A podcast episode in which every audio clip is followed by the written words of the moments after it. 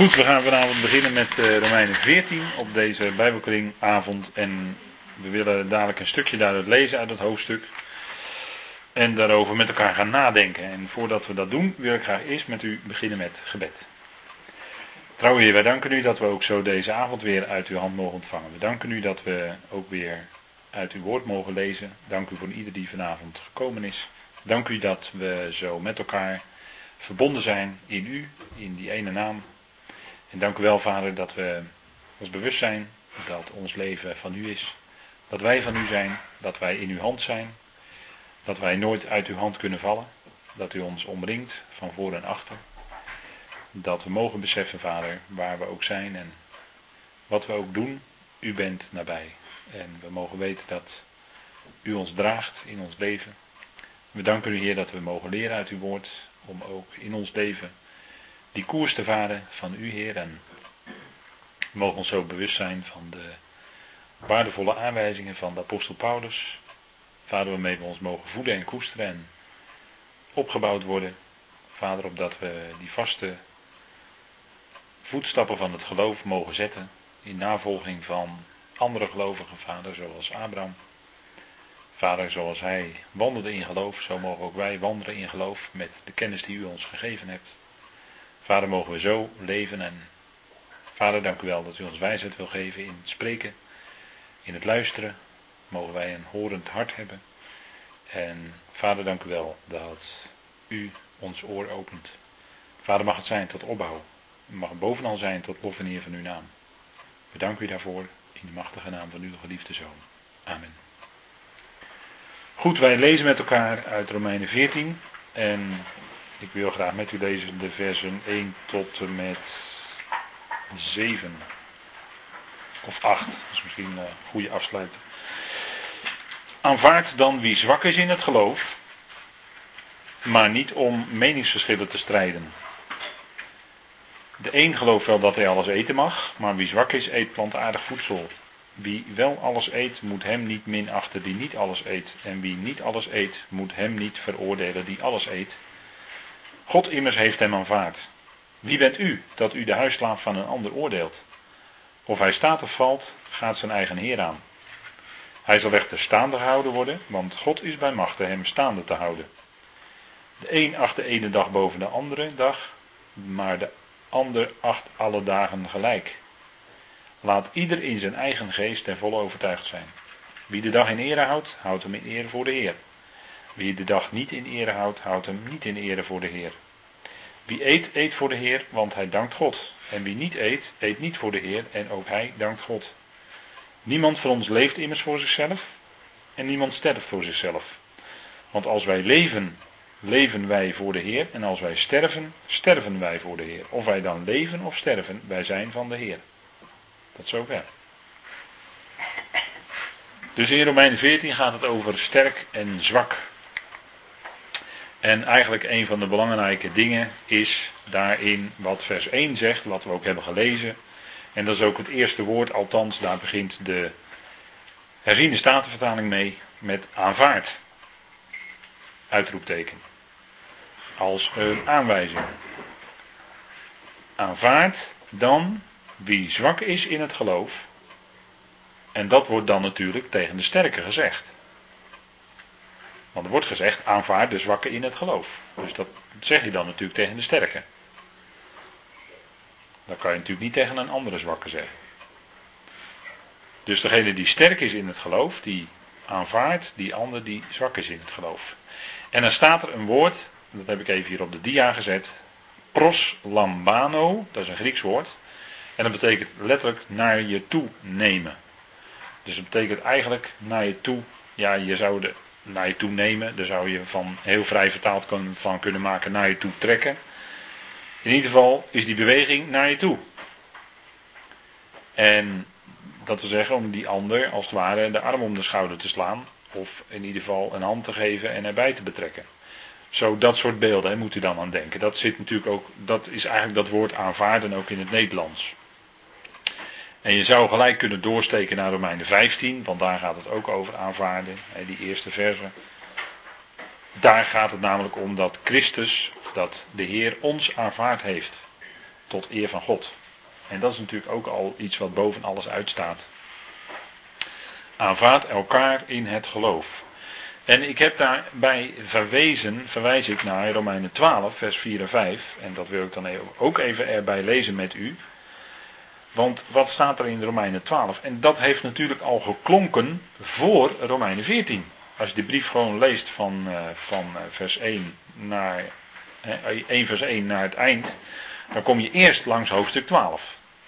En daar staat al in, in vers 4 en 5, want zoals wij in één lichaam veel leden hebben en de leden niet alle dezelfde functie hebben, zo zijn wij, velen, één lichaam in Christus, maar ieder afzonderlijk leden van elkaar. Kijk, dat kunnen we ook even hierbij bedenken. Als we zeggen aanvaard de zwakke in het geloof, dan betekent dat dat het ook een medelid is van het lichaam van Christus. En we zijn dus aan elkaar gegeven in dat lichaam. En uh, kijk, de ene vinger kan niet tegen de pink zeggen van jij hoort er niet bij. Of omdat jij zwakker bent dan ik, hè, want een, een ringvinger is denk ik meestal sterker dan een pink. Om even in dat beeld te blijven spreken. En die pink die is dan wat zwakker dus. En die ringvinger is wat sterker. En die ringvinger kan daarom niet tegen die pink zeggen, joh, jij hoort er niet bij, want jij bent zwakker dan ik. Zo gaat het natuurlijk niet. Vandaar dat Paulus zegt, aanvaard de zwakke. Ja, welke zwakke? Spierballen? Nee, tuurlijk niet. Het gaat natuurlijk om sterk en zwak in het geloof. En dan kun je natuurlijk gelijk afvragen, wie is er nou sterk en wie is er nou zwak? Dat is natuurlijk even een punt, hè? Wanneer kun je weten of je nou sterk bent in het geloof of zwak? En het antwoord erop kon misschien wel verrassend zijn. Zou, zou misschien kunnen, als u dit beluistert, dat u zegt van hé, hey, gaandeweg ga ik ontdekken dat, hoewel ik dacht misschien sterk te zijn, blijkt toch eigenlijk in het licht van Gods woord dat ik zwak ben in het geloof.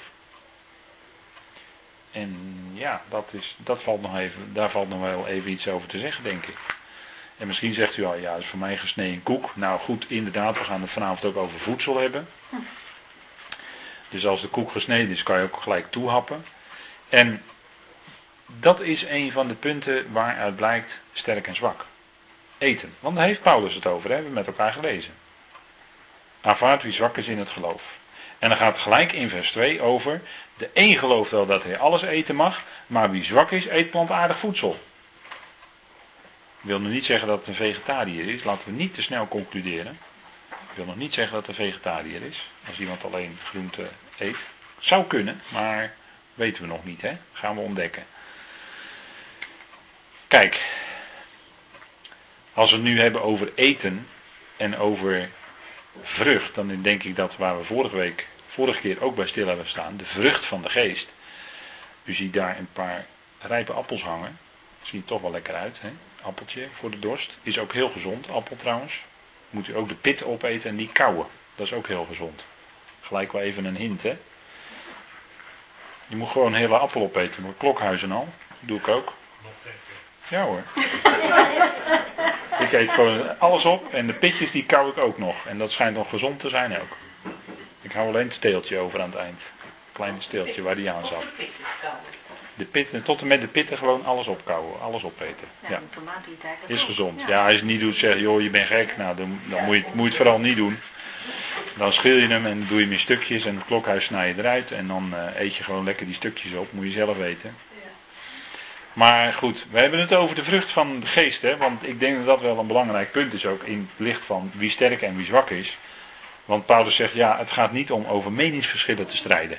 Wat er echt staat, komen we nog op. Maar er staat in de vertaling staat, maar niet om over meningsverschillen te strijden. En dat is op zich een redelijk goede vertaling hoor, daar gaat het niet om. Maar ik denk dat de vrucht van de geest best wel ook weer in dit kader belangrijk is. Dat we dat weer even voor ogen hebben. Kijk, de vrucht van de geest is liefde. En eigenlijk komt daar alles uit voort. Dat hebben we ook de vorige keer gezien. Hè? Die negenvoudige vrucht, dat zijn dingen die horen eigenlijk allemaal bij elkaar. Het is dus niet vruchten van de geest, maar het is vrucht. Enkelvoud van de geest. Liefde, en dan zou je kunnen zeggen dubbele punt. En er komt alles uit voort. Want alles overheersend is in feite de liefde. En in dat woord aanvaard elkaar, wat Paulus spreekt, daar zit natuurlijk in feite die liefde al in. Hè? Daar zit die hele liefde van God al in verwerkt. Die agape, die dus uh, belangeloos is. Die liefde is belangeloos. Dan heb je geen belangen. En veel mensen, ook binnen kerkelijk en gemeentelijk verband, die hebben belangen. Hm? Dan zeg ik toch niks te veel, hè? Die hebben belangen. De een heeft het belang om een bepaalde, ik ga het uitleggen. De een heeft het belang om een bepaalde positie te bereiken. De ander denkt dat hij een bepaalde positie bereikt heeft en die wil hem graag vasthouden. Dat zijn, en dan gaan er allemaal belangen spelen. Er kunnen ook bloedbanden belangen spelen. Meer hoef ik denk ik ook niet te zeggen. En nou ja, goed, zo kan je allerlei dingen kan je verzinnen. Je kan het op alle lagen, op alle mogelijke manieren invullen. En Gods liefde haalt daar dus even een streep doorheen. Dan zijn er geen belangen. Want die liefde is namelijk belangeloos. Christus kwam op aarde, ja, van waaruit? Belangeloze liefde hoor. Hij had geen belangen.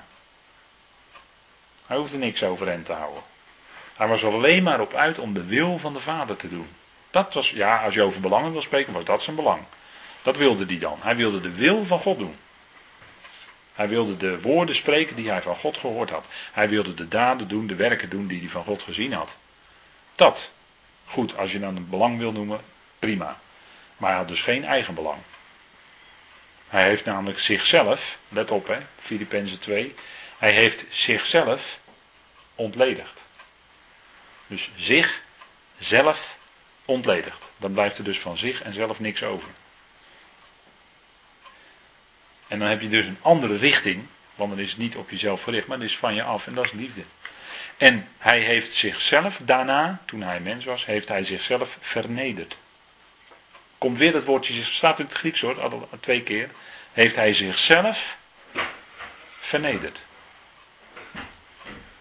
Dus je zou kunnen zeggen, er bleef niks van hem over. Inderdaad, toen hij daar gekruisigd ging, bleef er ook niks van hem over. Hij ging de dood in. Nou, er is er echt niks meer van je over hoor.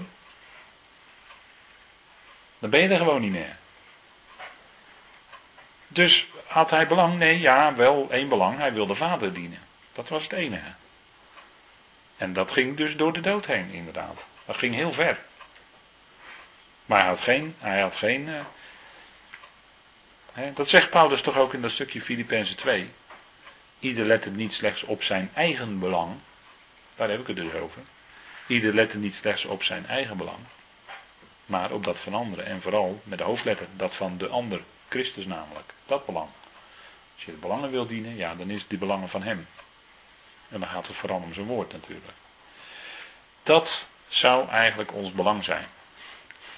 Dus liefde is belangeloos. Dan heb je geen belangen. Maar dan wil je alleen dienen. Zonder daar zelf beter van te worden. Maar alleen gewoon de Heer dienen. De Heer dienen. Geen slaaf van mensen worden, maar de Heer dienen. Dat is nog wat anders hoor. Daar werk van de Heer, daar leg ik wel eens een nadruk op, maar het werk van de Heer is het werk van de Heer. En is niet dus wat andere mensen allemaal regelen. En dat zeg ik er dan maar even voor alle duidelijkheid bij. Maar het werk van de Heer is gewoon het werk van de Heer. Daar zouden we mee bezig zijn. En goed, ja, dan, dan zijn er ook wel eens andere projecten. Maar dat is hoe we met elkaar omgaan. Hè? Aanvaard wie zwak is in het geloof. En als dat gebeurt, dan wordt er een stukje vrucht van de geest zichtbaar. Want met die zwakken moet je dus, ik heb die woorden geduld en zachtmoedigheid onderstreept hier. Vreugde, vrede, geduld. Dus met die zwakken moet je geduld hebben. Vriendelijkheid, goedheid, geloof, zachtmoedigheid de sterke richting de zwakke zachtmoedig zijn. Dat is allemaal vrucht van de geest. En dat komt dus kijken bij dat die sterke dus die zwakke aanvaardt in het geloof. Dus dat, ja, dat is natuurlijk een kwestie van, ja, inderdaad, die ander hoort er gewoon bij. Absoluut. En daar is Paulus mee bezig, met die vrucht van de geest in feite ook hier. Hè? Dat die doorwerkt onder ons en in ons. En dat die vrucht, dat er iets van die vrucht zichtbaar wordt. En als je dat ziet, Nou, dan is dat geweldig fijn. En dan is dat dus inderdaad vrucht van de geest. Dus dan kan je niet jezelf uh, omhoog steken als het ware. Want dan is die vrucht van de geest niet zichtbaar als je dat doet. Maar vrucht van de geest is inderdaad die liefde betonen. Nou, dat uitzicht onder andere in geduld. En kijk maar eens hoeveel geduld God met jou, met mij, met u heeft. Als je nou eens terugkijkt en je vraagt jezelf nou heer, wat heeft u een enorm geduld met mij gehad? Ja, inderdaad. Dan, zeg, dan zeg, kunnen we dat allemaal gewoon zeggen. Wat heeft u met mij een geduld gehad? En nog steeds. Want we zijn er nog niet. En we maken morgen ook nog fouten, waarschijnlijk. En, en volgende week en volgende maand. En al die tijd heeft de Heer gewoon geduld met ons. En gaat hij gewoon met ons verder. De Heer die zelf natuurlijk ultiem sterk is. En wij zijn in dat oog bekeken, vanuit dat oogpunt bekeken zijn we allemaal zwak. Als we naar de Heer kijken. Maar goed, hij heeft geduld met ons. En hij gaat met ons om in een geest van zachtmoedigheid. Zo gaat de Heer met ons om. Hij was nederig. En dat is hij en zachtmoedig van hart. En dan zegt de Heer ook, leert van mij. Matthäus 11, hè? want ik ben zachtmoedig en nederig van hart. Leert van mij, zegt de Heer. Nou goed, dat is ook wat in die vrucht terugkomt. Dat is aanvaard elkaar in het geloof. Dus de sterke aanvaardt die zwakke. En dan staat, zegt Paulus, maar niet om meningsverschillen te bestrijden. Even kijken of die doet. Ja, wie tot je nemen? Kun je je afvragen. Nou, de zwakke. Dat hoeft niet per se iemand te zijn die gehandicapt is. Ja, nee, eh, even gewoon duidelijk zijn. Maar het gaat om zwak zijn in het geloof, hè? Zwak in het geloof. Want zo, ik, ik, ja, ik, ik, misschien tot vervelens toe, maar ik denk dan altijd aan Joni. Joni was een vrouw die uh, de, de rug brak, zeg maar, bij het zwemmen en bij duiken. En die kwam in de rolstoel terecht. Die, die was helemaal verlamd. Maar dan zeg je, nou, zij is lichamelijk dan heel zwak, maar dat is wel iemand die enorm sterk is in het geloof. Een enorme diepgelovige vrouw die haar lijden heeft leren dragen, met, als een enorm voorbeeld voor ons als gelovigen eigenlijk, vind ik. Het is toch heel bijzonder dat zo iemand dan zo'n getuigenis kan hebben. Dat blijkt toch, dan blijkt dat je sterk bent in je geloof. Dat je dat lijden echt helemaal uit de hand van God kan aanvaarden maar dan ook echt aanvaarden. Er heel veel strijd gekost, gekost, want het gaat natuurlijk dwars door een mens heen. Je moet het allemaal verwerken. En dat, is een kwestie, en dat, is een, dat heeft strijd gekost, jaren van strijd. Uiteindelijk leerde zij om dat lijden te aanvaarden uit de hand van God. En verheerlijkte zij God in haar lijden.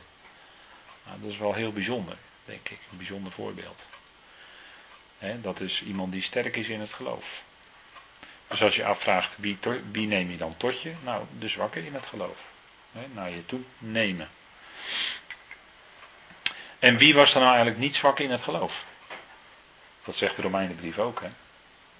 Wie was er nou niet zwak in het geloof? Kijk maar naar het plaatje. Wie, wie, wie, wie is dat, hè?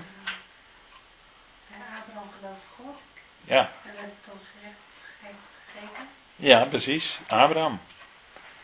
Abraham was niet zwak in het geloof, hè? dat zegt de Romeinen 4. Want hij, hoe bleek dat? Ik wou het al bijna zeggen. Hoe bleek dat dat hij niet zwak was in het geloof? Hm? Met Lot. Uh, ja, daar bleek het ook, ja. Ja. ja. Isaac? En bij de geboorte van Isaac? Nee, het offer van Isaac. Het offer van Isaac, ja. En waar Paulus dan op wijst in Romeinen 4. Dat is ook het offer van Isaac. Dat hij, en wat, wat was er toen bij Abraham aanwezig? Dat schrijft Paulus in Romeinen 4. Want hij wilde, hij was zelfs in staat om zijn eigen zoon echt te offeren. Maar het hoefde niet. Hij God betrouwbaar achter dat hij er nog te was en uit de doden te doen opwekken. Ja, ja. Ja. Hij achtte God betrouwbaar, hè? Dus hij achtte God trouw en betrouwbaar om ook te vervullen wat hij beloofd had. Dus zelfs al zou dat betekenen dat hij zijn eigen zoon zou moeten doden, maar dan geloofde hij dat omdat God toch die belofte gedaan had, dat hij Isaac weer uit de dood zou opwekken. Zodat toch zijn zoon zijn echte erfgenaam ook zou zijn. Zijn lot genieten. Daaruit bleek dat Abraham niet zwak was in het geloof, omdat hij niet heeft getwijfeld. Dus twijfel, wat is twijfel dan? Ongeloof. Twijfel is eigenlijk ongeloof. Hè? Als je twijfelt aan de belofte van God, dan is dat eigenlijk een uiting van ongeloof. Want dan geloof je niet dat God bij machten is dat wat hij beloofd heeft ook te vervullen. Maar Abraham was dus sterk in het geloof, omdat hij niet twijfelde aan die geweldige beloften die God gegeven had. Daaruit bleek zijn geloof. Zelfs, hij wordt dan dus niet zwak, dat wil zeggen, hij wordt zelfs sterk genoemd. Dus de zwakken in het geloof tot je nemen. En dit kan bij gelovigen ook heel gauw gebeuren, wat je op dat plaatje op de achtergrond ziet.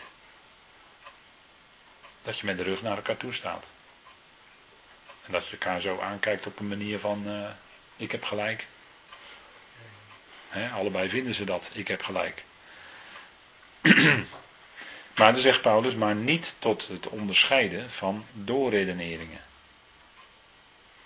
En doorredeneringen in de Bijbel worden in de regel niet positief beoordeeld. Kijk, doorredeneren is iets anders dan geloof. Bij redeneren, wat ga je dan doen? Dan neem je misschien wel een aantal dingen uit de Bijbel.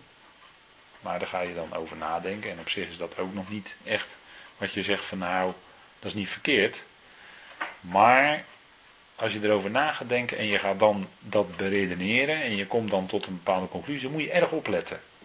En erg oppassen wat je dan in dat beredeneren doet.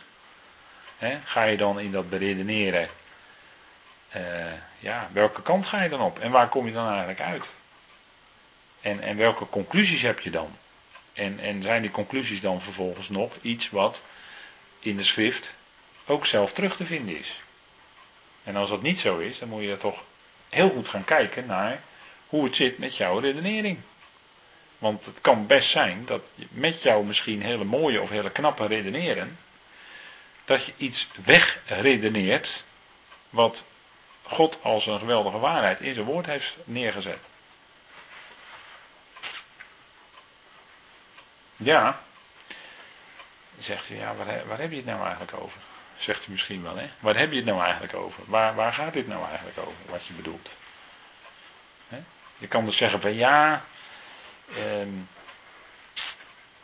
je leeft nu als gelovige. En uh, ja, je hebt het evangelie naar Paulus leren kennen, de genade. En dan zie je een heleboel dingen in de Bijbel staan. En dan vind je eigenlijk dat je toch je aan bepaalde dingen wil houden die in de Bijbel staan. En dan kan je heel makkelijk zeggen, ja, want het staat toch in de Bijbel. En dan vind ik dat ik dat moet doen.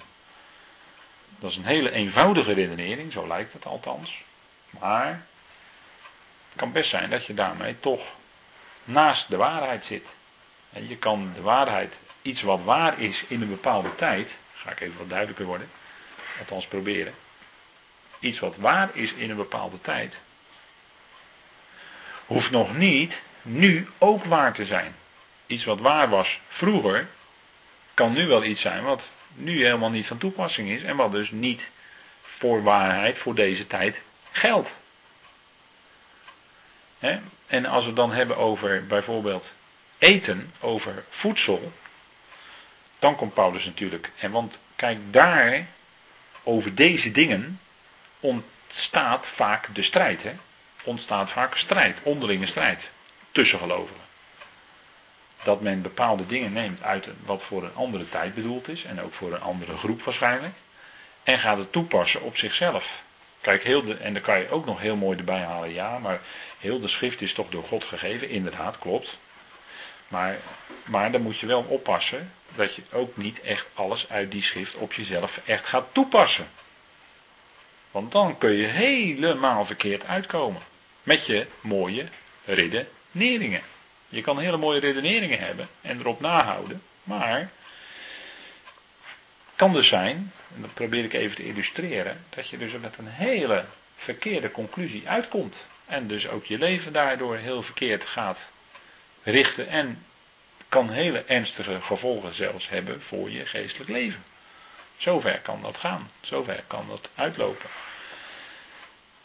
Dus Paulus zegt de zwakken in het geloof tot je nemen, maar niet tot onderscheiding van doorredenering. Kijk, de sterke die eet alles.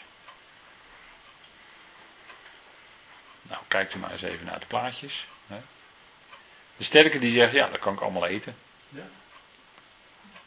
Ja, of het nou vlees is, of vis, of een eitje, of groente en fruit. En uh, bonbons liggen er ook bij, geloof ik. En kreeftensoep, geloof ik ook. Kan allemaal, hè. Maar ja, er zijn ook mensen ja, die zeggen, ja, dat en dat eet ik niet. Want ja, dat vind, dat is, ik denk dat dat niet, uh, niet goed is. En waarom vind je dat dan niet goed? Nou, er staat toch ook ergens dat je dat eigenlijk niet mag eten. Bijvoorbeeld varkensvlees. Ik zie daar een varken met zo'n appel in zijn bek. En varkensvlees, ja, dat eet ik niet. Maar waarom eet je dat niet? Nou ja, het staat in de Torah. Dat Israël dat eigenlijk niet mocht eten. En daarom eet ik het niet. Maar dan ben je dus natuurlijk op een manier bezig dat je zegt van hé, hey, dat staat in de Bijbel. En ik wil wel de richtlijnen van God opvolgen. Maar dan moet je natuurlijk wel eh, toch met wat begrip proberen die Bijbel te lezen. En te zeggen van hé, hey, tegen wie wordt dat nou eigenlijk gezegd? Tegen wie wordt dat gezegd? Dat, je, dat ze geen varkensvlees mochten eten. tegen wie wordt dat gezegd? Nou, weet je natuurlijk allemaal zo het antwoord op. Dat natuurlijk tegen Israël gezegd. En dan kan je zeggen als gelover, ja, maar het staat toch in de Bijbel? Ja, maar wil nog niet zeggen dat je ook behoort tot het volk Israël. En dat je dus geen varkensvlees mag eten. dus kijk, daar ga je al, hè. En de zwakke, zegt Paulus, die eet alleen groen. groene dingen. Groen, ja, letterlijk staat er groenen eigenlijk in meervoud. Groen in meervoud. Dus die eet alleen, laten we zeggen, plantaardig voedsel. Dus die eet geen vlees. Dan kan zeggen, nou, varkensvlees is niet goed. Maar andere vlees vind ik ook niet goed. Uh, en en uh, om allerlei redenen. En dan, uh, want in de wet staat natuurlijk ook een heleboel over dat je die, die bepaalde dieren met gespleten hoeven niet mag eten. En andere dieren met gespleten hoeven mag je wel eten. En bepaald gevogelte mag je niet eten. En andere gevogelte mag je weer wel eten. En daar kan je natuurlijk helemaal aan gaan houden. Maar waar ben je dan mee bezig? Dan ben je eigenlijk bezig jezelf onder de Torah te stellen die aan Israël was gegeven. Deze dingen werden allemaal tegen Israël gezegd. En je zou je ook nog eens af kunnen vragen, waarom werden ze tegen Israël gezegd? Nou, die vraag leg ik dan even in uw midden. Waarom werd dat nou allemaal tegen Israël gezegd? Dat ze dit wel en dat niet mochten eten. Mag je ook antwoord geven? U mag natuurlijk al, iedereen mag antwoord geven. Varkensvlees zit vooral in de Oosterse landen, komt de ziekte trigine veel voor, dat dodelijk is voor mensen. Ja. En daar heeft men gezien, zie je hoe wijs God is dat je dat niet doet. Ja. De Duitsers hadden daar een heel laboratorium voor ingericht om dat te maken, dat ze de dingen ze deden. Ja, ja. Ja. Nou, dat kan dan inderdaad een overweging zijn. Dat het gezond was. Ja. En dat God daarin zijn volk bewaarde. Dat zou best kunnen. Dat geloof ik ook nog wel. En zou er nog een andere reden kunnen zijn? Waarom God dat, dit allemaal tegen zijn volk heeft gezegd? Behalve dan puur alleen als spijswetten. En wij komen er dan later achter door onze onderzoekingen, wetenschappelijk onderzoek, komen wij later achter. Ik heb boven ook een boek liggen hoor, die, die dat erover gaat. Komen we later achter dat dit wel gezond is en dat niet. En dat dit wel en dat niet. Dus puur gezondheidsredenen. Maar ja, ik kan natuurlijk heel, ik kan natuurlijk heel pessimistisch zeggen van, ja, maar toch komen wij een keer te overlijden. Ja, rein en onrein denk ik. Rein en onrein, dan komen we misschien een stap verder. En dan ga je namelijk om reine en onreine dieren. Ja. En als je dan dus uh, een onrein dier had gegeten, was je dus onrein. onrein. Werd je onrein geacht. Om wat je at. Dus de Torah bepaalde wat reine en onreine dieren waren. En als je dus onreine dieren at, dus door, de, door dat daarmee bezig te zijn, wist je van dat is rein en dat is onrein. Dat doet iets met je denken natuurlijk. Hè? En wat doet het nog meer? Het doet iets met je denken. En wat vormt er dan in je? Je geweten. Je geweten, ja precies. Het heeft invloed op je geweten. En daar spreekt de brief van Paulus over, onder andere. En ook Hebreeën zegt daar iets over, over het geweten. Dus daar heeft het ook mee te maken. Kijk, en nu komen we een stapje verder. Hè? Nu komen we al aan iets meer geestelijke dingen, hoe het dan in de mens werkt. Het is een afbeelding natuurlijk, het is altijd een afschaduwing van als iets hier onrein is, van andere, van hemelse dingen Juist, die kijk. zijn. En dan komen we aan nog een stap verder inderdaad. En dat is natuurlijk aan de hand. Dat het, is, het heeft natuurlijk een typologische betekenis. Het heeft iets te maken met geestelijke betekenis. Wat het geestelijk voorstelt, eigenlijk. Rein en onreine dieren. Petrus, die moest toch naar de heidenen gaan. En wat gebeurde er toen? Allemaal onreine dieren. Dat laken, hè, wat naar beneden kwam. Rein en onreine dieren. Ja.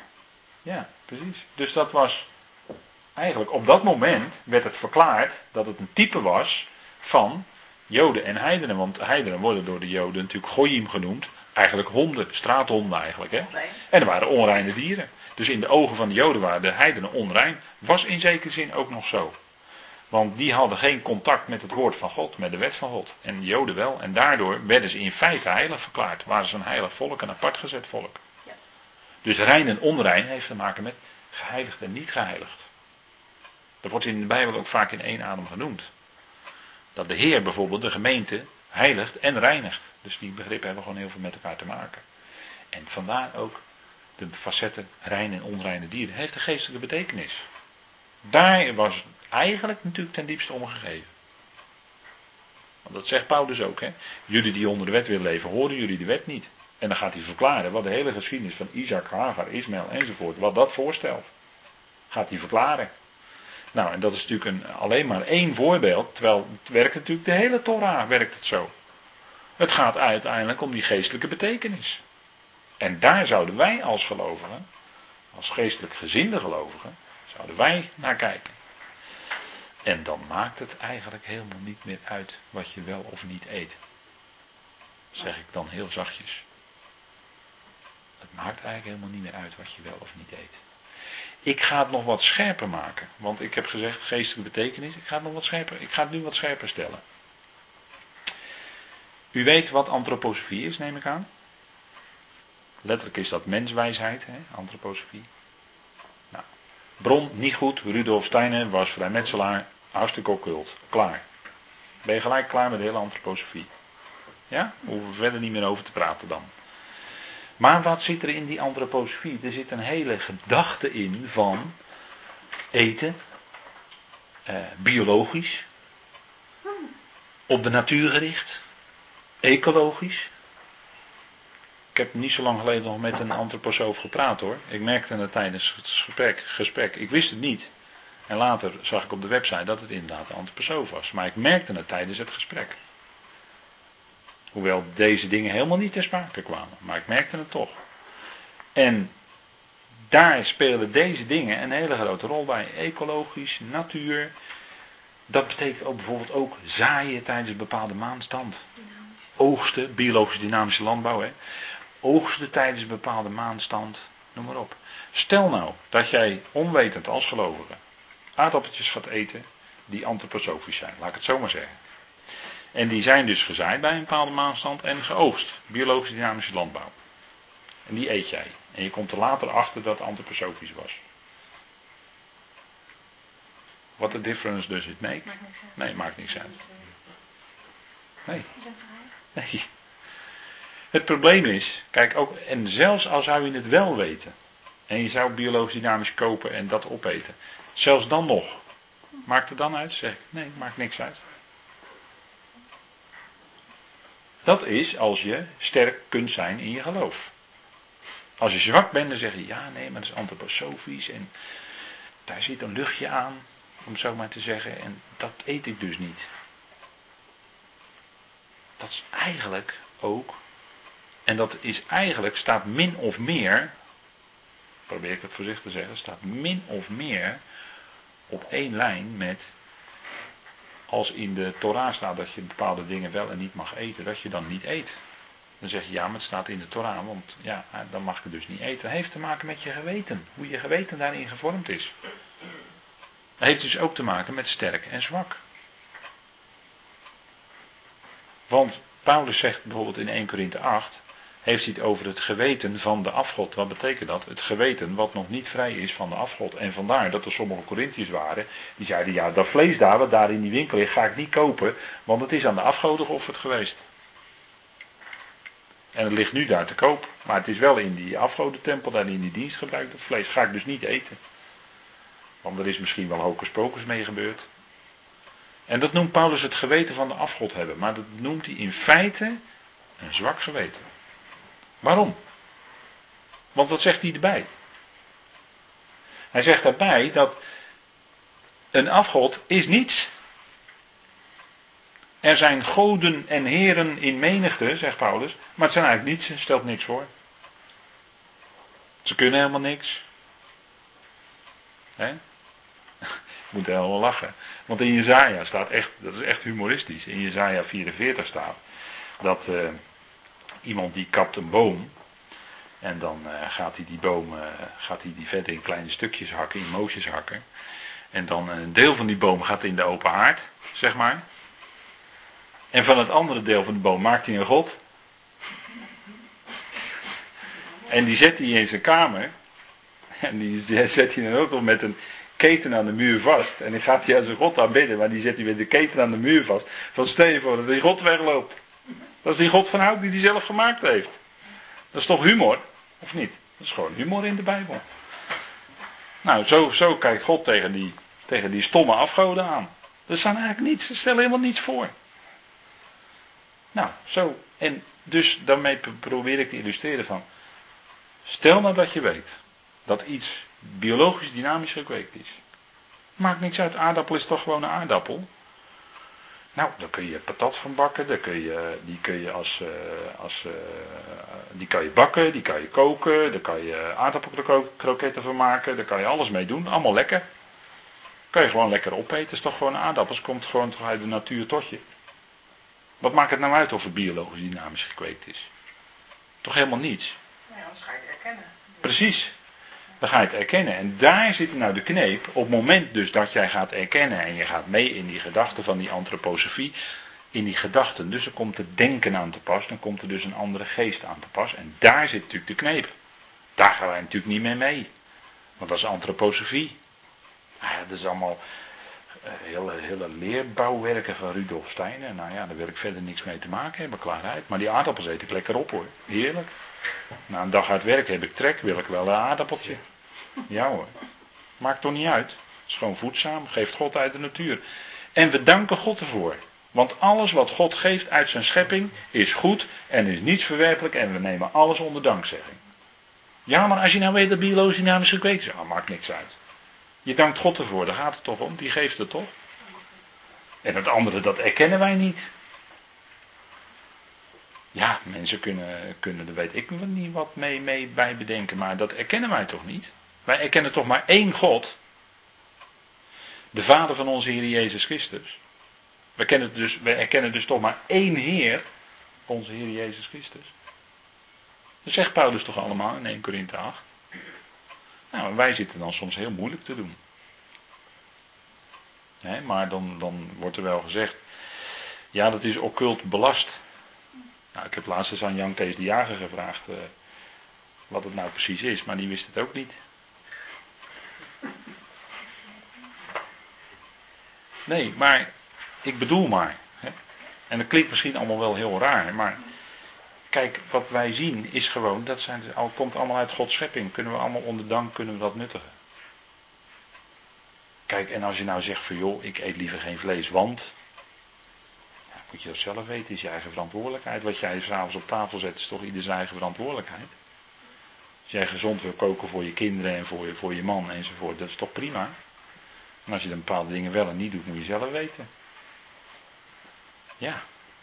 En dat is voor iedereen weer anders. Kijk, de een legt meer de nadruk op van ja, ik hou van veel groenten. En de ander zegt ik hou van een lekker stukje vlees op tafel. Ja, dat is toch allemaal prima. Dat moet je toch allemaal zelf weten.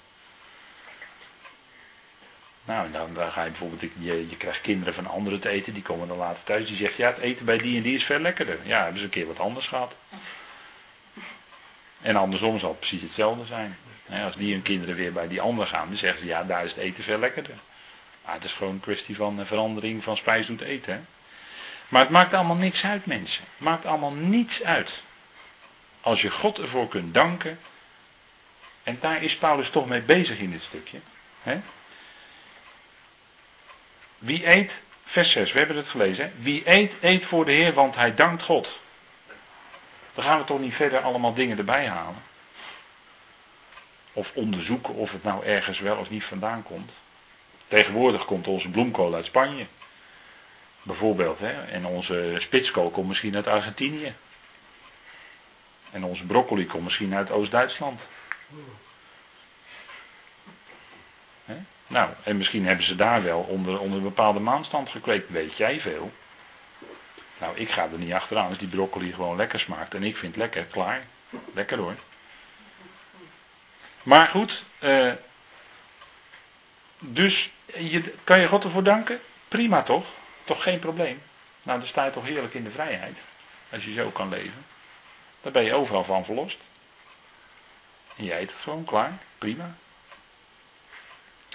En kijk, Paulus zegt dan, de sterke eet alles en de zwakke eet, eet alleen groene dingen, plant aardvoedsel. Kijk, en daar kun je nou onderling als gelovige strijd over krijgen. Want ik kan natuurlijk, dit is natuurlijk een illustratie. Kijk, eten staat eigenlijk voor het hele leven. Als je met elkaar aan tafel zit, dan is dat ook een uitdrukking van gemeenschap. Je deelt met elkaar dat eten, dus dat doe je gemeenschappelijk.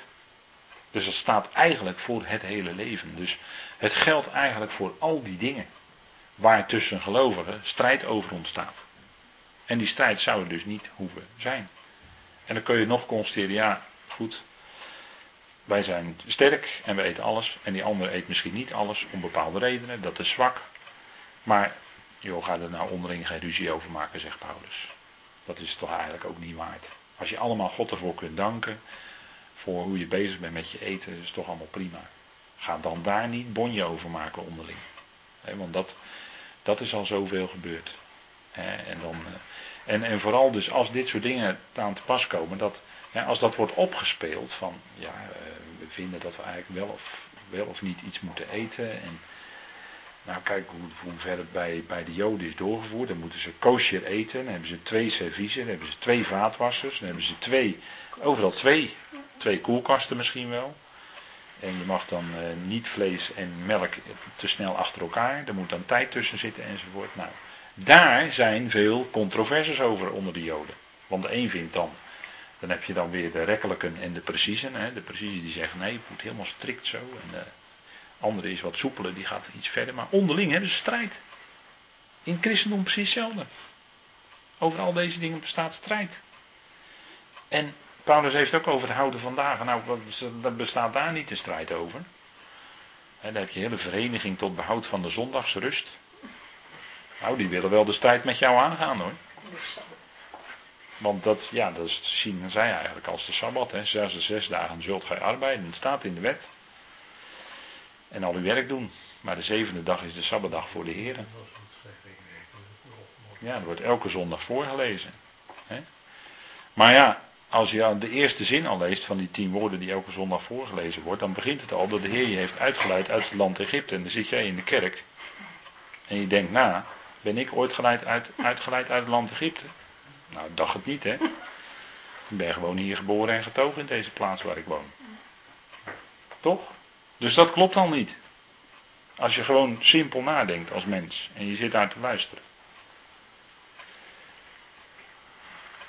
En dan zeg je ja, nee, maar het gaat natuurlijk om de slavernij en het heeft te maken met de zon. Ja, maar dan gaat, kijk, dan gaan we dus al gelijk naar de geestelijke betekenis. Hè? Egypte, het beeld van de wereld. Egypte, beeld van de slavernij onder de zon, beeld van slavernij onder de... Zit ik al in de typen, hè, nu, in de typologie. Daar gaat het natuurlijk eigenlijk om. Maar dan hoef je die hele wet niet meer voor te lezen. Want dat is natuurlijk iets, weer iets anders, hè, een ander hoofdstuk. Nou, de sterke eet dus alles en de zwakke eet alleen het groene. Dus alleen de groene dingen. Dus dan, ja, vegetarisch waarschijnlijk. Dus allemaal vraagtekens, want ja, Welke kant moet je op? Hè? Het wordt een doolhof. Wat mag je nou nog wel eten en wat niet? En uh, zo kregen we ook natuurlijk, hè, lang binnen onze cultuur kregen we dan, wat mag je nou wel op zondag en wat niet? Hè? Dan mag je geen ijsje eten en wel fietsen, of niet fietsen en wel een ijsje. Ik weet het ook allemaal niet meer. Maar allemaal vraagtekens. Je weet het gewoon allemaal niet. Het, is allemaal, het wordt allemaal zo moeilijk. En dan ga je je daarover bezighouden. En is dat nou belangrijk, uiteindelijk? Is dat nou waar het allemaal om draait? Dan moet je gewoon een beetje relativeren. Dat is allemaal niet belangrijk hoor. Als je later bij de Heer komt, gaat de Heer echt niet vragen of jij op zondag altijd binnen hebt gezeten en nooit op de fiets bent gestapt. Gaat de Heer echt niet aan je vragen. Daar ben ik van overtuigd. Dat het echt niet belangrijk is. Gaat om iets heel anders. Het gaat om je hart, denk ik. Nou, kijk. Want je kan natuurlijk in de wet lezen. Ik heb daar een stukje uit de wet even opgezet. U mag niets eten wat een gruwel is. Dit zijn de dieren die u eten mag: het rund, het schaap, de geit, het het, de gazelle, de reebok, de steenbok, de spiesbok, de antiloop en de gems. Dus die mag je eten. En alle dieren die gespleten hoeven hebben, waarvan de hoef in tweeën gespleten is en die bovendien bij de dieren horen die herkauwen, mag u eten. Dus nou ja, goed. Ik denk dat voor de slager is dit natuurlijk een leuke. Is dit natuurlijk leuk dat je dit allemaal eten mag. dus je mag, mocht best wel veel vlees eten onder de wet. En dat waren dan dieren met gespleten hoeven. En die herkauwen. Dus dit, dit, hier kun je natuurlijk ook weer ondergelovigen, kan je natuurlijk hier weer een enorme controverse over krijgen. Kan je enorme strijd gaan voeren. Van dat dit dan wel mag en dat je dan geen varkensvlees mag eten. Want daar begint het meeste mee, geen varkensvlees eten. En het gaat van steeds meer. Hè? Maar de volgende dieren die alleen herkauwen of die alleen gespleten hoeven hebben, mag u niet eten. De kameel, de haas en de klipdas. Zij herkauwen immers wel, maar hebben geen gespleten hoeven. Ze zijn voor u onrein. Daar heb je het, hè? Ze zijn voor u onrein. Zo ook het varken. Daar hebben we hem, hè? Want dat heeft wel gespleten hoeven, maar het herkauwt niet. Het is voor u onrein. Van hun vlees mag u niet eten. En hun kadavers mag u niet aanraken. Dit mag u eten van alles wat in het water leeft. Alles wat vinnen en schubben heeft, mag u eten. Maar alles wat geen vinnen en schubben heeft, mag u niet eten. Dus geen lekker palenkie eten hoor, mag niet. Die heeft geen vinnen en schubben. Schelpdieren niet. Geen most, eh, mosselen. Dat moet niet te hard zeggen in Zeeland. Geen mosselen. Geen garnalen. Het is voor u onrein. Het is allemaal onrein. Ja? En zo had je natuurlijk ook allerlei onrein gevogelte. Ik denk dan aan Babylon altijd. Ik weet niet hoe het komt, maar dan denk ik altijd aan Babylon. Dus dan zit je ook weer in de geestelijke betekenis. Hè? Onrein gevogeld is een beeld van boze geestelijke machten in de Bijbel. Dus dan zitten we gelijk weer in de typologie. Begrijpt u?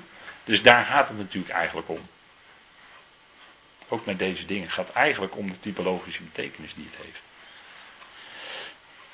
Maar goed, kijk, eh, het bleek natuurlijk dat varkensvlees, ja, dat is uh, niet al te gezond waarschijnlijk. Uh, voor, voor een aantal mensen misschien, want meestal is het ook nog per mens verschillend. De een kan er wel goed tegen, krijgt er geen huiduitslag van. En de ander krijgt er wel huiduitslag van. Maar dat is ook voor de een of de ander weer verschillend. Dat, dus rechtsboven, dat is een klipdas trouwens. Dan weet u dat. Dat is een klipdas, zo ziet hij eruit. Ik vroeg me het altijd af, maar het is tegenwoordig heel makkelijk. Hè? Even Google Clipdas afbeeldingen, dan heb je hem. Dat is dus heel makkelijk. Maar zo ziet hij eruit en die mochten ze dus niet eten. Dus ja, dat, dat, kijk, dat, hier kun je natuurlijk zeggen van ja, maar het staat toch in de wet, het staat in Gods woord. Klopt. Klopt. Alleen we zouden wel natuurlijk kijken, wat is nu precies de betekenis? En we ons eerst afvragen, zijn wij onder die Torah? Dat is vraag 1. A. Nee, we zijn niet onder die Torah. We zijn niet onder de geschreven Torah. Zeg ik maar even heel duidelijk bij. En daarnaast hadden de Joden ook de mondelinge Torah. Dat heeft zijn weerslag gekregen in de Talmud. En dat is wat de Joden, het Judaïsme ook verspreidt, de rabbijnen, die verspreiden Talmudisch denken. Als ik niet geloof, kan ik zo een boekje boven pakken waar het in staat, waar de rabbijn het zegt. Talmoedisch denken verspreiden ze. Maar dat wil nog niet zeggen dat dat bijbels denken is. Dat is. Dat is nog weer wat anders. We moeten even dan heel scherp zijn. Maar daarnaast had de Jood dus de mondelinge Torah. Dus dat is eigenlijk een soort om de Torah heen. En daarin waren alle geboden en verboden, mitzvot van de Torah, die, waren, die werden er allemaal helemaal in uitgespinst. En dan wordt er dus gezegd van rabbi zo heeft gezegd. En daarom heeft rabbi die en die weer gezegd. En rabbi die en die heeft later ook weer dat en dat gezegd. En had je de school van Gamaliel, van Hillel, van Shammai, van Maimonides en noem alles maar op. Dat hele jodendom. Dat kun je allemaal bestuderen hoor. Vind ik allemaal prima. Maar als dat in de plaats komt van de schrift, dan heb ik bezwaar. Dien ik ernstig bezwaar in. Want het gaat om de schrift uiteindelijk. En alles wat er in de loop der tijd bij is gekomen, daar zitten misschien wel mooie dingen in. Maar het is niet de schrift zelf. En daar gaat het uiteindelijk wel om. En dat onderscheid moeten we goed maken. En we hebben Gods volk lief en we bidden voor Gods volk, absoluut. Maar de rabbijnen zijn niet ziende. Sorry dat ik het zeg, maar Paulus zegt dat. Ze hebben een geest van diepe slaap. Heeft God hun gegeven hoor, trouwens. Zegt Paulus ook in Romeinen 11, hebben we behandeld. Een geest van diepe slaap. En ogen om niet te zien en oren om niet te horen. Dat is wat het voor het overgrote deel van het Jodendom geldt. Dat zeg ik niet, dat zegt Paulus. En die was zelf uit dat volk, uit de stam Benjamin. Trouwens, en niet uit Juda. Dat is ook trouwens niet onbelangrijk, maar goed, dat is weer een heel ander verhaal. Maar het gaat dus uiteindelijk om de geestelijke betekenis. en nou ja, goed, na, na al dit over eten en drinken laten we hem nu even pauzeren. Dan kunt u uh, nog even. Verder, en ja, in de Torah staat natuurlijk het nodige geschreven over wat je wel en niet mag eten. En ik heb al gezegd, dat staat eigenlijk voor natuurlijk veel meer dingen. Hè, voor, uh, ja, wat, ik kan natuurlijk ook verder uitbreiden tot wat wel en niet mag. En dan kan je het zo gek niet bedenken. Maar er zijn voortdurend dan mensen die zich afvragen, als ze gelovig zijn geworden, uh, wat er dan wel en niet mag. Er worden heel veel boeken over, ook over volgeschreven. Hè. Boekentafels liggen er vol mee, met allemaal boeken over uh, ja, dit of dat. En dan vooral wat dan wel of niet mag. Ja. Dat wil men dan kennelijk graag weten. En als nou iets, dan, hè, dan wordt er dan over gestreden en dan, eh, omdat iets niet mag en dan mag het wel. En dan zeg ik ja, en dan mag het wel. En nou en, en dan nu. Nou mag het. En dan. Wat heb je dan mee gewonnen? Nee, niks toch? Het gaat er niet om of het wel of niet mag. Het gaat er toch om of de dingen zijn tot opbouw van ons geloof. Paulus zegt, alle dingen zijn mij geoorloofd. Zegt hij tot twee keer toe. Juist tegen de Corinthiërs. En dan zeggen wij allemaal, nee, dat moet hij daar juist niet zeggen. Want daar waren ze met allerlei dingen bezig. Nou, er was nogal geen, uh, nee, die Corinthiërs die staan er niet best op. Dat was nogal een erg losbandige gemeente, om het zo maar te zeggen. En dan gaat Paulus juist tegen die gemeente gaat hij schrijven, alle dingen zijn mij geoorloofd. Ik mag alles. Als we nou vragen in het licht van het evangelie van Paulus, of wat Paulus zelf schrijft, van mag iets of mag iets niet, dan kunnen we heel snel zeggen, ja hoor, alles mag. Maar de tweede vraag is die je erbij stelt, en dat zegt Paulus er ook bij, is het nuttig? En als je dan vervolgens afvraagt, wat is nou nuttig? Dat is, wat is nou tot opbouw van je geloof? Dat zou eigenlijk de vraag zijn. Hè? Bouwt het op of breekt het af? Je die achtergrondgedachte erbij hebt, dat is natuurlijk heel wat anders. Dat is een hele andere insteek. Maar mag iets niet of mag iets wel, hoort u daar ook de wettische toon in? Ja. Dat is een wettische toon. Let maar op bij mensen die vaak het woordje mag gebruiken. Ik hoor daar een wettische ondertoon in.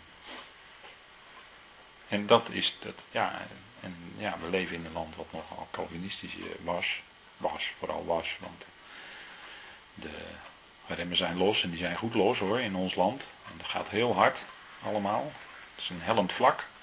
En dat hellende vlak krijgt een steeds hoger gradenaantal. Begrijpt u wel wat ik bedoel hè? Nou, zo gaat het in ons land. Maar ze gaat wereldwijd en is niet te keren. Het is allemaal niet te keren. We kunnen proberen het kwaad in te dammen, tegen te werken, tegen te gaan. Dat willen christelijke partijen misschien nog wel hier en daar, christelijke politiek. Maar dat is, dat is allemaal geen houden meer aan, hoor mensen. Het is geen houden meer aan. Maar dat heeft de Heer Jezus natuurlijk ook gezegd. De wetteloosheid zal toenemen. De liefde zal verkillen. En dat is wat je vandaag de dag ziet gebeuren. Liefde, echte liefde, trouw, kom er maar eens om. De maatschappij is niet voorhanden hoor. ik doe dat denk ik nog niet nader te specificeren wat ik nu bedoel. Maar dat, dat is, komt er maar eens om. Nou, je hoeft in de maatschappij niet om te gaan shoppen, want daar kom je niet tegen hoor. Absoluut niet. Dus dat, dat, is helemaal ook niet de vraag dan voor ons. Maar de vraag wel, wel of, of iets wel of niet iets mag, is, heeft een wettische achtergrond. En dat is ook niet, dat is niet de issue, dat is niet waar het om draait. Waar het om draait is, is het tot opbouw. Is het tot eer van Hem. En we willen in ons leven tot eer van Hem zijn en tot eer van Hem leven. Dat is het criterium uiteindelijk. Is tot eer van Hem in mijn leven. En is tot opbouw van mezelf, is tot opbouw van de ander, zijn geloof. Dat zou onze vraag zijn natuurlijk. Dat, dat is denk ik het wezenlijke waar het om gaat. Die dingen. Nou. Goed, we gaan even verder. Dus eh, voedsel, hè, daar heeft Paulus het over. Dit is een zogenaamd lopend buffet. Alleen het staat stil, dat is altijd raar hè. He, we komen bij elkaar, heel gezellig, en dan is er na afloop een lopend of een wandelend buffet. Maar het buffet staat stil en wij lopen. Dat is wel wat leuk hè, Nederlandse taal. Ja. Maar het is gewoon, eh, ja, het ziet er heerlijk uit. Schep maar op, zou ik zeggen. Heerlijk. Allemaal uh, frisse groenten en dat soort dingen. Dus stukjes kaas, stukjes vlees ook trouwens. Maar, maar het ziet allemaal goed uit. Maar dat is ook waar mensen zich dan soms hun hele leven mee bezighouden. Hè? Met eten, met voedsel. Die zijn de hele dag bezig met voedsel. Wat ik eet en wat ik niet eet. En, uh, staan de hele middagen in de keuken en noem maar op. Een heerlijke maaltijden bereiden. Ja, maar ik het allemaal prima. Allemaal prima. We gaan door naar de volgende. Als die het doet tenminste, ja. Kijk. Wie wel alles eet, moet hem niet minachten die niet alles eet. En wie niet alles eet, moet hem niet veroordelen die alles eet, want God heeft hem aanvaard. Het gaat weer om die aanvaardingen. Want kijk, als je dus elkaar gaat minachten en veroordelen, dan krijg je het bovenste plaatje. Daar sta je tegenover elkaar, hè? Die pijlen naar elkaar toe. Vingers gaan wijzen, blikken worden onvriendelijk, eh, noem maar op. En als je gaat uit van de aanvaarding van elkaar, ja, dan is de hand om je schouder en dan functioneert liefde. Dus een ja, dat is denk ik waar het als gelovige toch om draait uiteindelijk. En Paulus zegt dan aan het eind van dit hoofdstuk, en heb ik toch even naar voren willen halen. Wie echter twijfelt als hij eet, is veroordeeld, omdat hij het niet uit geloof doet. Kijk, als je gelooft dat je alles eten mag en je doet voor de Heer, prima. Als jij gelooft dat je niet alles mag eten en je doet voor de Heer, ook prima. In beide gevallen dank je God. Nou, allebei prima. Mooi toch? Kijk, het ene is sterk, het andere is zwak. Oké. En die ander moet misschien groeien in het geloof. Kan je ook nog zeggen. Oké maar ga er niet elkaar om minachten of veroordelen. Want Paulus zegt, en alles wat niet uit geloof is, is zonde. Dus als je nou twijfelt of je iets eet, nou doe het dan niet. Want ja, je moet er wel van overtuigd zijn. En wij zijn ervan overtuigd dat alles uit die schepping van God komt. En dat niets verwerpelijk is, maar dat alles onder dank aanvaard kan worden. Nou, als je zo leeft als gelovige, prima. Je dankt God erbij, je eet het, prima. Niks mis mee. Gewoon leven uit je geloof. Gewoon vrijmoedig leven uit je geloof. Kun je God ervoor danken? Oké. Ik denk dat het ook wel eens een, een punt kan zijn. Hè? Als je nadenkt over ja, zal ik dat nou wel of niet? Nou, kun je God ervoor danken? Ik kan ook zeggen, kun je God ervoor danken als je uh, gaat doen. Of gaat eten. Kun je God ervoor danken? Ja, prima. En zo niet, nou dan moet je afvragen hoe het komt dat je aarzelt, twijfelt, eh, erover nadenkt, ermee zit. Eh. Goed, ga Gods woord erop naslaan. Desnoods praten met iemand over. Kan allemaal. Maar het gaat om twijfel, ja, nee, geloof. Hè? Wij leven van genade schenken. Wij leven van genade schenken, want God schenkt ons genade. En van aanvaarding, want God heeft ons aanvaard. God nam al die leden van het lichaam aan. Ik heb er even een aardig visje bij gezet. dat is toch wel aardig, denk ik. Als je in de spiegel kijkt, zie je de liefde van God. Met andere woorden, kijk in de spiegel en je ziet degene wie God lief heeft. Jou dus. Ja, zo is het. Als je dat realiseert als je in de spiegel kijkt. Als je in de spiegel kijkt, dan zie je meestal allerlei oneffenheden aan je huid. En je vindt jezelf iets te bleek eruit zien, of juist niet. Of uh, iets te rood, of te dit, of te dat. Je kan je ook realiseren als je in de spiegel kijkt. Hé, hey, God houdt van mij. Dan kijk je net weer anders in de spiegel, hè. Dan gaan die mondhoeken misschien ineens omhoog. En als je zegt, nou ja, vanochtend, s ochtends vroeg, dan zitten mijn ogen nog dicht. Nou, dan moet je wat later op de dag gaan doen. Goed, nou, wat dus het 1 Korinthe 8 heb ik al even aangehaald. Hè. Wat dus het eten van afgodenoffers betreft, wij weten dat een afgod niets is in de wereld en dat er geen andere God is dan één. Hè, want, ja, kijk, je gaat toch niet een stuk hout hakken uit het bos en vervolgens dat stuk hout in je kamer zetten om dat dan te gaan bidden alsof het een God is. Dat is toch eigenlijk te gek voor woorden bijna, zou je zeggen, want het is helemaal niets. En die Baalpriesters maar bovenop die karmel te keren aan mensen. En er gebeurt helemaal niks. Wat stelde die Baal nou voor? Sorry. Wat stelde die Baal nou eigenlijk voor? Helemaal niks toch? Moet je kijken wat ze allemaal deden, rituelen en noem maar op. Er gebeurde niks. En een hoop water op het altaar gooien, om het altaar heen. En Elia bidt en er komt vuur uit de hemel. En alles gaat, alles. Het water gaat op, de, de hele altaar, wat op het altaar ligt, de altaar zelf, alles. Alles wordt verbrand. Alles gaat in, in vlammen op. Dat is de God van Israël, dat is Yahweh. Dat is de ware God. Maar die baalmensen stelt er helemaal niks voor. Degene die ook de Baal aanbidden, dat zijn de vrijmetselaars. Maar dat zeg ik even tussen twee haakjes. Dat is een klein voetnootje onderaan. Ja, is dat zo? Ja, maar ik ga er niet verder op in. Maar denk er maar eens over na. Huisaltaren, dat hebben mensen ook, hè. Die, gaan dan, eh, die hebben dan huisaltaartjes. Dat vind je tegenwoordig in steeds meer uh, gezinnen in Nederland ook. Hè. Dus hebben ze een boeddhaatje en als mensen een boeddhaatje of meerdere boeddhaatjes in de tuin of in huis hebben, heb je ook dikke kans dat er ergens een altaartje is. Of ze zijn zen-boeddhist. Hè? Dat is ook heel erg in opmars, ook onder politici, Erika Terpstra en zo. Zen-boeddhisten, ja. Maar dan ga je dus je verleggen naar een afgod. Hè? Dan ga je dus naar een afgod. Zen-boeddhisme, dan ga je naar een afgod.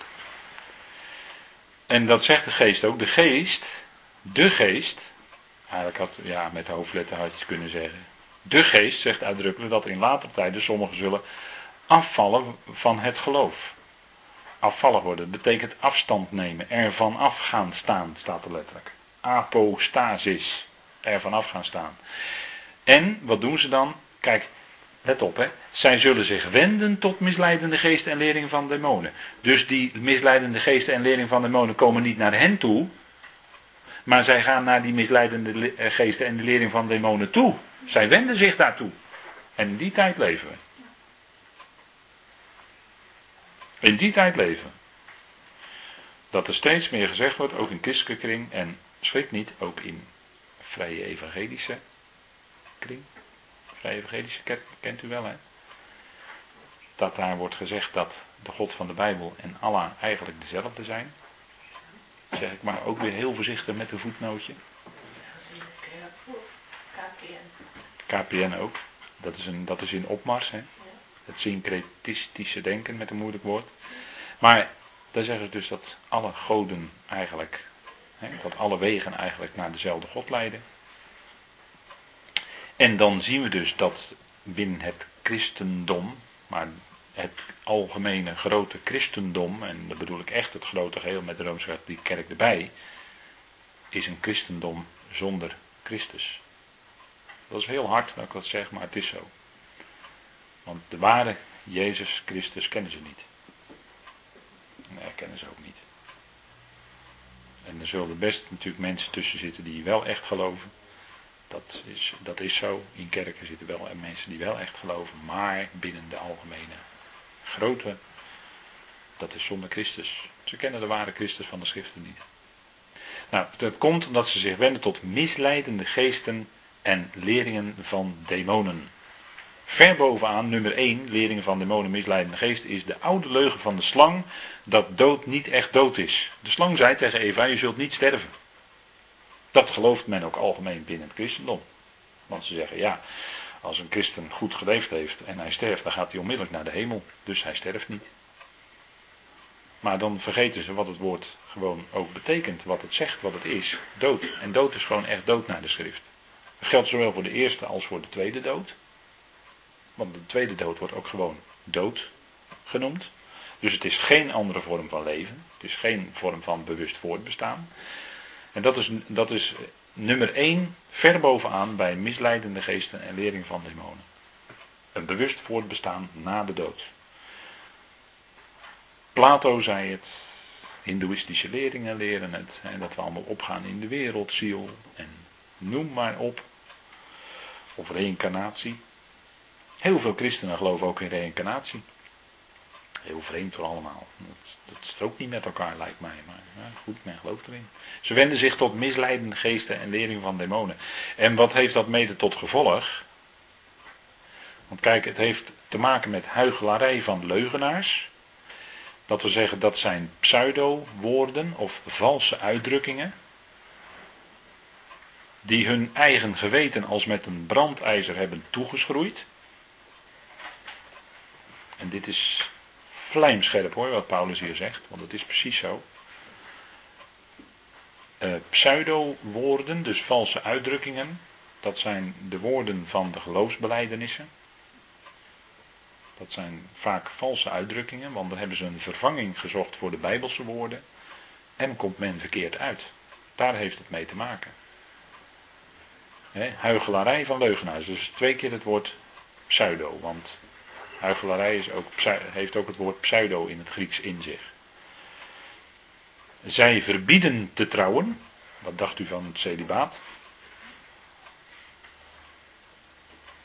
Hm? En u ziet uh, op het rechterplaatje ook de verbinding. Hè? En daar staat een kardinaal tussen twee uh, mannen met een schort. En u weet wel wat voor schorten dat zijn, denk ik. Nee, vrijmetselaarsschorten. ja. Oh. Dus u ziet u de verbinding. Het plaatje zegt vaak meer dan duizend woorden. Hè? Zij verbieden te trouwen, dus celibatair te leven.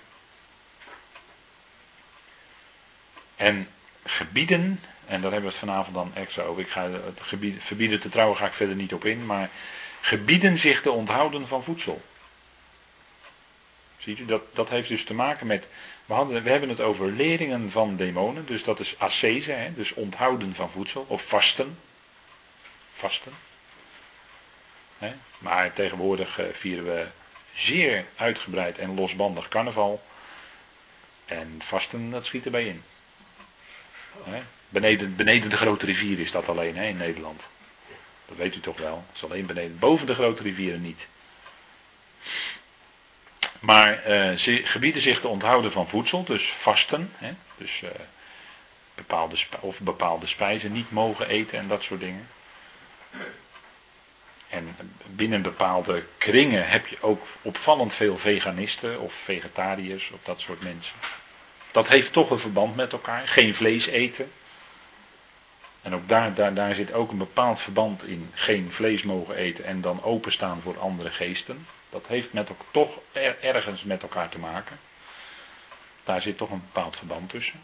Dus vergist u zich wat dat betreft niet. Want als een mens lichamelijk zwakker wordt, wordt hij ook, hè, door die dingen niet te eten, wordt hij ook ontvankelijker voor misleidende geesten.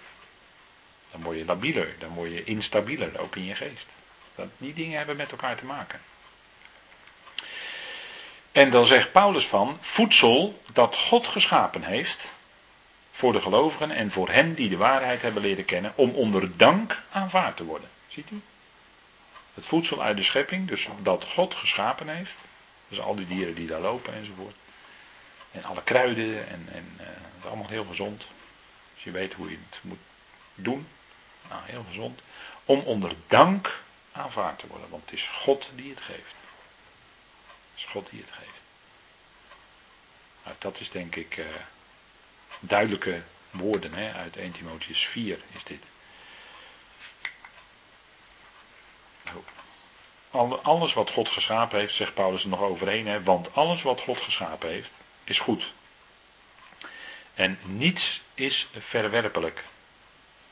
Wanneer het onder dank aanvaard wordt, want het wordt geheiligd door het woord van God en door het gebed. Ziet u? Dat is, nou, hoeveel vrijheid hebben we als gelovigen? Nou, maximaal.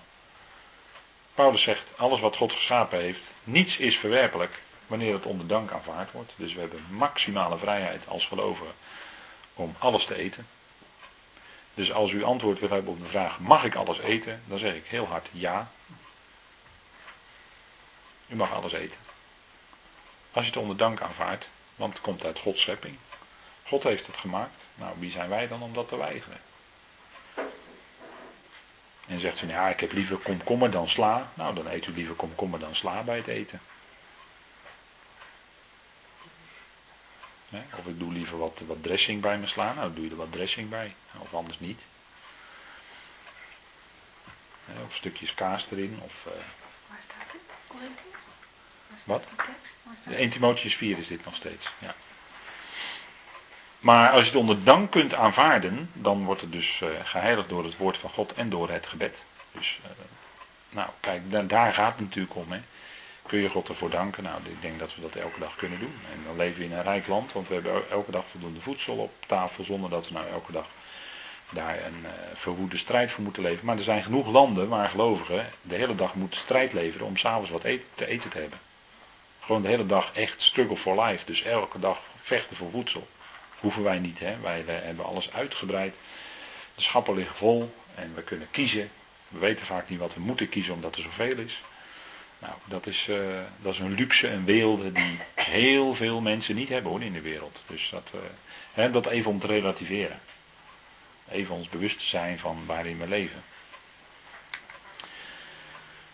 Want wie bent u dat u de huisslaaf van een ander oordeelt?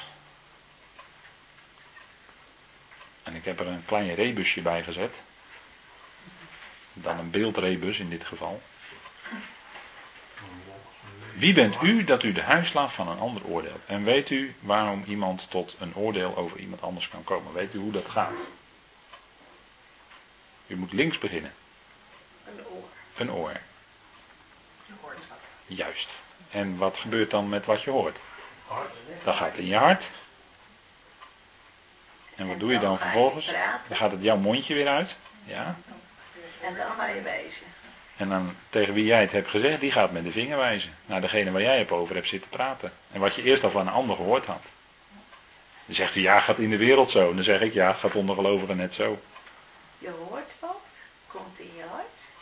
Dan ga je erover praten tegen een ander en die ander gaat wijzen. En die ander gaat met de vinger wijzen. Naar die ander waarover jij geroddeld hebt. Het is mooi. Ziet u? Zo gaat het. Zo gaat het in de wereld. Toch? Of heeft u nooit gewerkt? Ik vind het nog een moeilijke puzzel. Het is ook moeilijk, hè? Ja. Nou, kijk, we hebben het nu over gelovigen, hè? want Paulus zegt natuurlijk over gelovigen: wie bent u dat u de huisslaaf van een ander oordeelt? Je hoort iets van iemand anders. Over iemand anders gaat het natuurlijk, want dat is meestal interessant, hè? Je hoort iets over iemand anders. En je gaat er toch over nadenken. Dan komt het in je hart.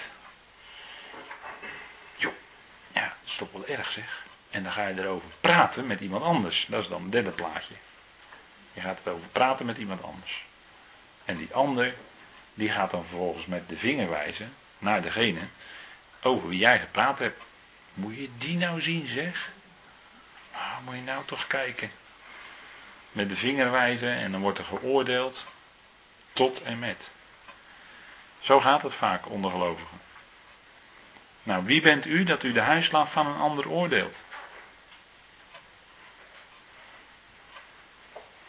En, en dat is toch waar het om gaat. Kijk, dat zijn we eigenlijk allemaal natuurlijk als gelovigen. We zijn allemaal eigenlijk huisslaaf bij de Heer. Wij zijn toch allemaal slaven van de Heer. Wij dienen toch de Heer. Dus we zijn de huisslaaf van een ander. En we doen dan soms net alsof dat anders is. En als iemand de Heer dient, als iemand echt oprecht de Heer dient, dan kan er wel met de vinger gewezen worden, maar als iemand echt de Heer dient, en dan, nou, dan moet ik gelijk eraan toevoegen, of hij staat of valt, dan gaat eigenlijk zijn eigen Heer aan hoor. En, en dat gaat dus eigenlijk ten diepste gaat het ons niet eens aan. Gaat de Heer aan. De Heer weet waartoe het is, waarom het is. Als iemand echt oprecht de Heer dient, dan is hij in dienst van de Heer, dan is hij een slaaf van de Heer. Dat, dat zijn we in principe allemaal als gelovigen. En als er over iemand staat of valt, gaat zijn eigen Heer aan. Dat zegt Paulus. En dat is, en, en, en natuurlijk zegt Paulus, hij zal echter staande gehouden worden, want God is bij machten hem staande te houden. En, en ja, ik kan er natuurlijk niet te veel over vertellen, maar denk erom dat, dat echte, echte mensen die de Heer dienen. En dat is, dat is, kan je zeggen, ja, dat is, dat is, ja. In de gemeente leef je natuurlijk heel lang met elkaar, heel veel jaren. En dan, ja, dit en dat. En, maar dat is overal hoor. Dat is 30 jaar geleden. Toen, toen waren, toen, even denken, 30 jaar geleden, toen waren wij nog niet, in, niet, niet toen waren we ergens anders, ondergelovigen, laat ik het zo maar zeggen. Maar dan had je precies dezelfde dingen hoor. Zo gaat het, helaas gaat het vaak zo. Maar denk erom dat de dienstknechten van de Heer, en zeker zij die dan vooraan staan, dat die, dat daar vaak met de vinger aangewezen wordt. En dat heeft allerlei motieven. En die motieven laten zich wel raden natuurlijk. Maar uiteindelijk, hè, dan zag je wel dat ja, dienaren van de Heer, nou ze bleven staan en ze gingen door. En waarom is dat? Nou, dat is omdat God ze staande houdt. En, en, en eh, want dat zegt Paulus hier ook, God houdt ze staande. Want God is bij machten hem staande te houden. En als iemand staat of valt, gaat de Heer aan. Gaat ons niet aan. Bij, wat, ja, maar wat moet ik dan doen? Nou, niet erover praten, maar ervoor bidden voor die dienstknecht. Of voor die, voor die andere huisslaaf die je tegenkomt. Wie dat dan ook maar is. Die de Heer wil dienen. Oprecht. Denk dat dat toch iets is wat, wat Paulus ons leert. Als geloven onderling. Hè? En, en ja. Als, en, en als het dan gebeurt dat een, iemand die de Heer dient. En in die weg. Eh, laat ik maar zeggen, gebeurt het verdrietige dat iemand ten val komt. Hoe en op welke manier dan ook. En het lijkt dan soms wel eens, heb ik wel eens gemerkt, dat sommige gelovigen daar, nou ja, daar merk je dan soms iets bij dat je denkt van, het, het lijkt bijna wel of, of je daar een soort uh, genoegen in hebt dat die ander valt. Dat, dat is dan heel verdrietig dat je dat constateert. Je zou voor die ander bidden. kennen wij nou van iemands anders leven? Hoe iemands leven verlopen is geweest en dan van jongs af aan en wat iemand allemaal heeft meegemaakt in de jeugd en noem maar alles maar op. En ik weet wel dat je ook daar op een bepaalde manier naar moet kijken, maar toch. Al die dagen die iemand leeft en alles wat erin gebeurt, dat is door de Heer allemaal. Al de dagen die wij leven is sowieso door de Heer al vastgelegd. Dat staat sowieso bovenaan, maar dan ook onze hele levensloop met alles wat erin gebeurt en wat erin goed gaat en misgaat. Eh, ook dat is allemaal uiteindelijk, is het bij hem bekend. En, en als iemand echt een gelovig is, ja, nou ja, dan, dan heeft de Heer hem, diegene toch lief. Dus of iemand staat of valt, gaat alleen zijn eigen Heer aan. En we zijn allemaal in dienst van die Heer met een hoofdletter. Dus ja, dan geldt in feite voor ons allemaal hetzelfde.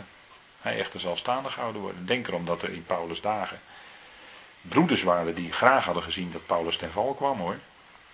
Hadden ze graag gezien. Zo stond de vlag er wel bij. Maar of iemand staat of valt. Nou, Paulus werd staande gehouden door de Door wie? Door de Heer. Paulus werd staande gehouden door de Heer. En hij ging door. Totdat zijn loopbaan vol, voltooid was. Hij ging gewoon door. Ook al was hij aan het eind van zijn leven heel eenzaam geworden. Hadden veel broeders hem verlaten. Broeders tegen ik dan, hè? Die hadden hem verlaten. En het is altijd zo gegaan. Als men de genade leert kennen naar Paulus, dan komt er een bloeiperiode. Na verloop van tijd komt er weer afbrokkeling. Omdat men Paulus verlaat. Dat gebeurt steeds weer. Ja. Goed, of er staat of valt, gaat alleen zijn eigen Heer aan. Oh, sorry. En dan zegt Paulus, wie eet, eet voor de Heer, want hij dankt God.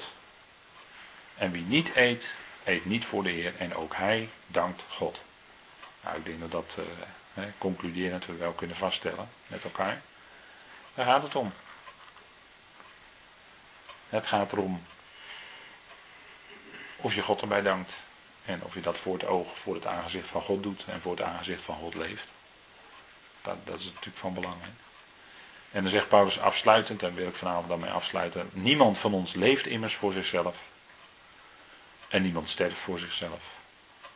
want we leven door de Heer eigenlijk moet ik zeggen. We leven door de Heer.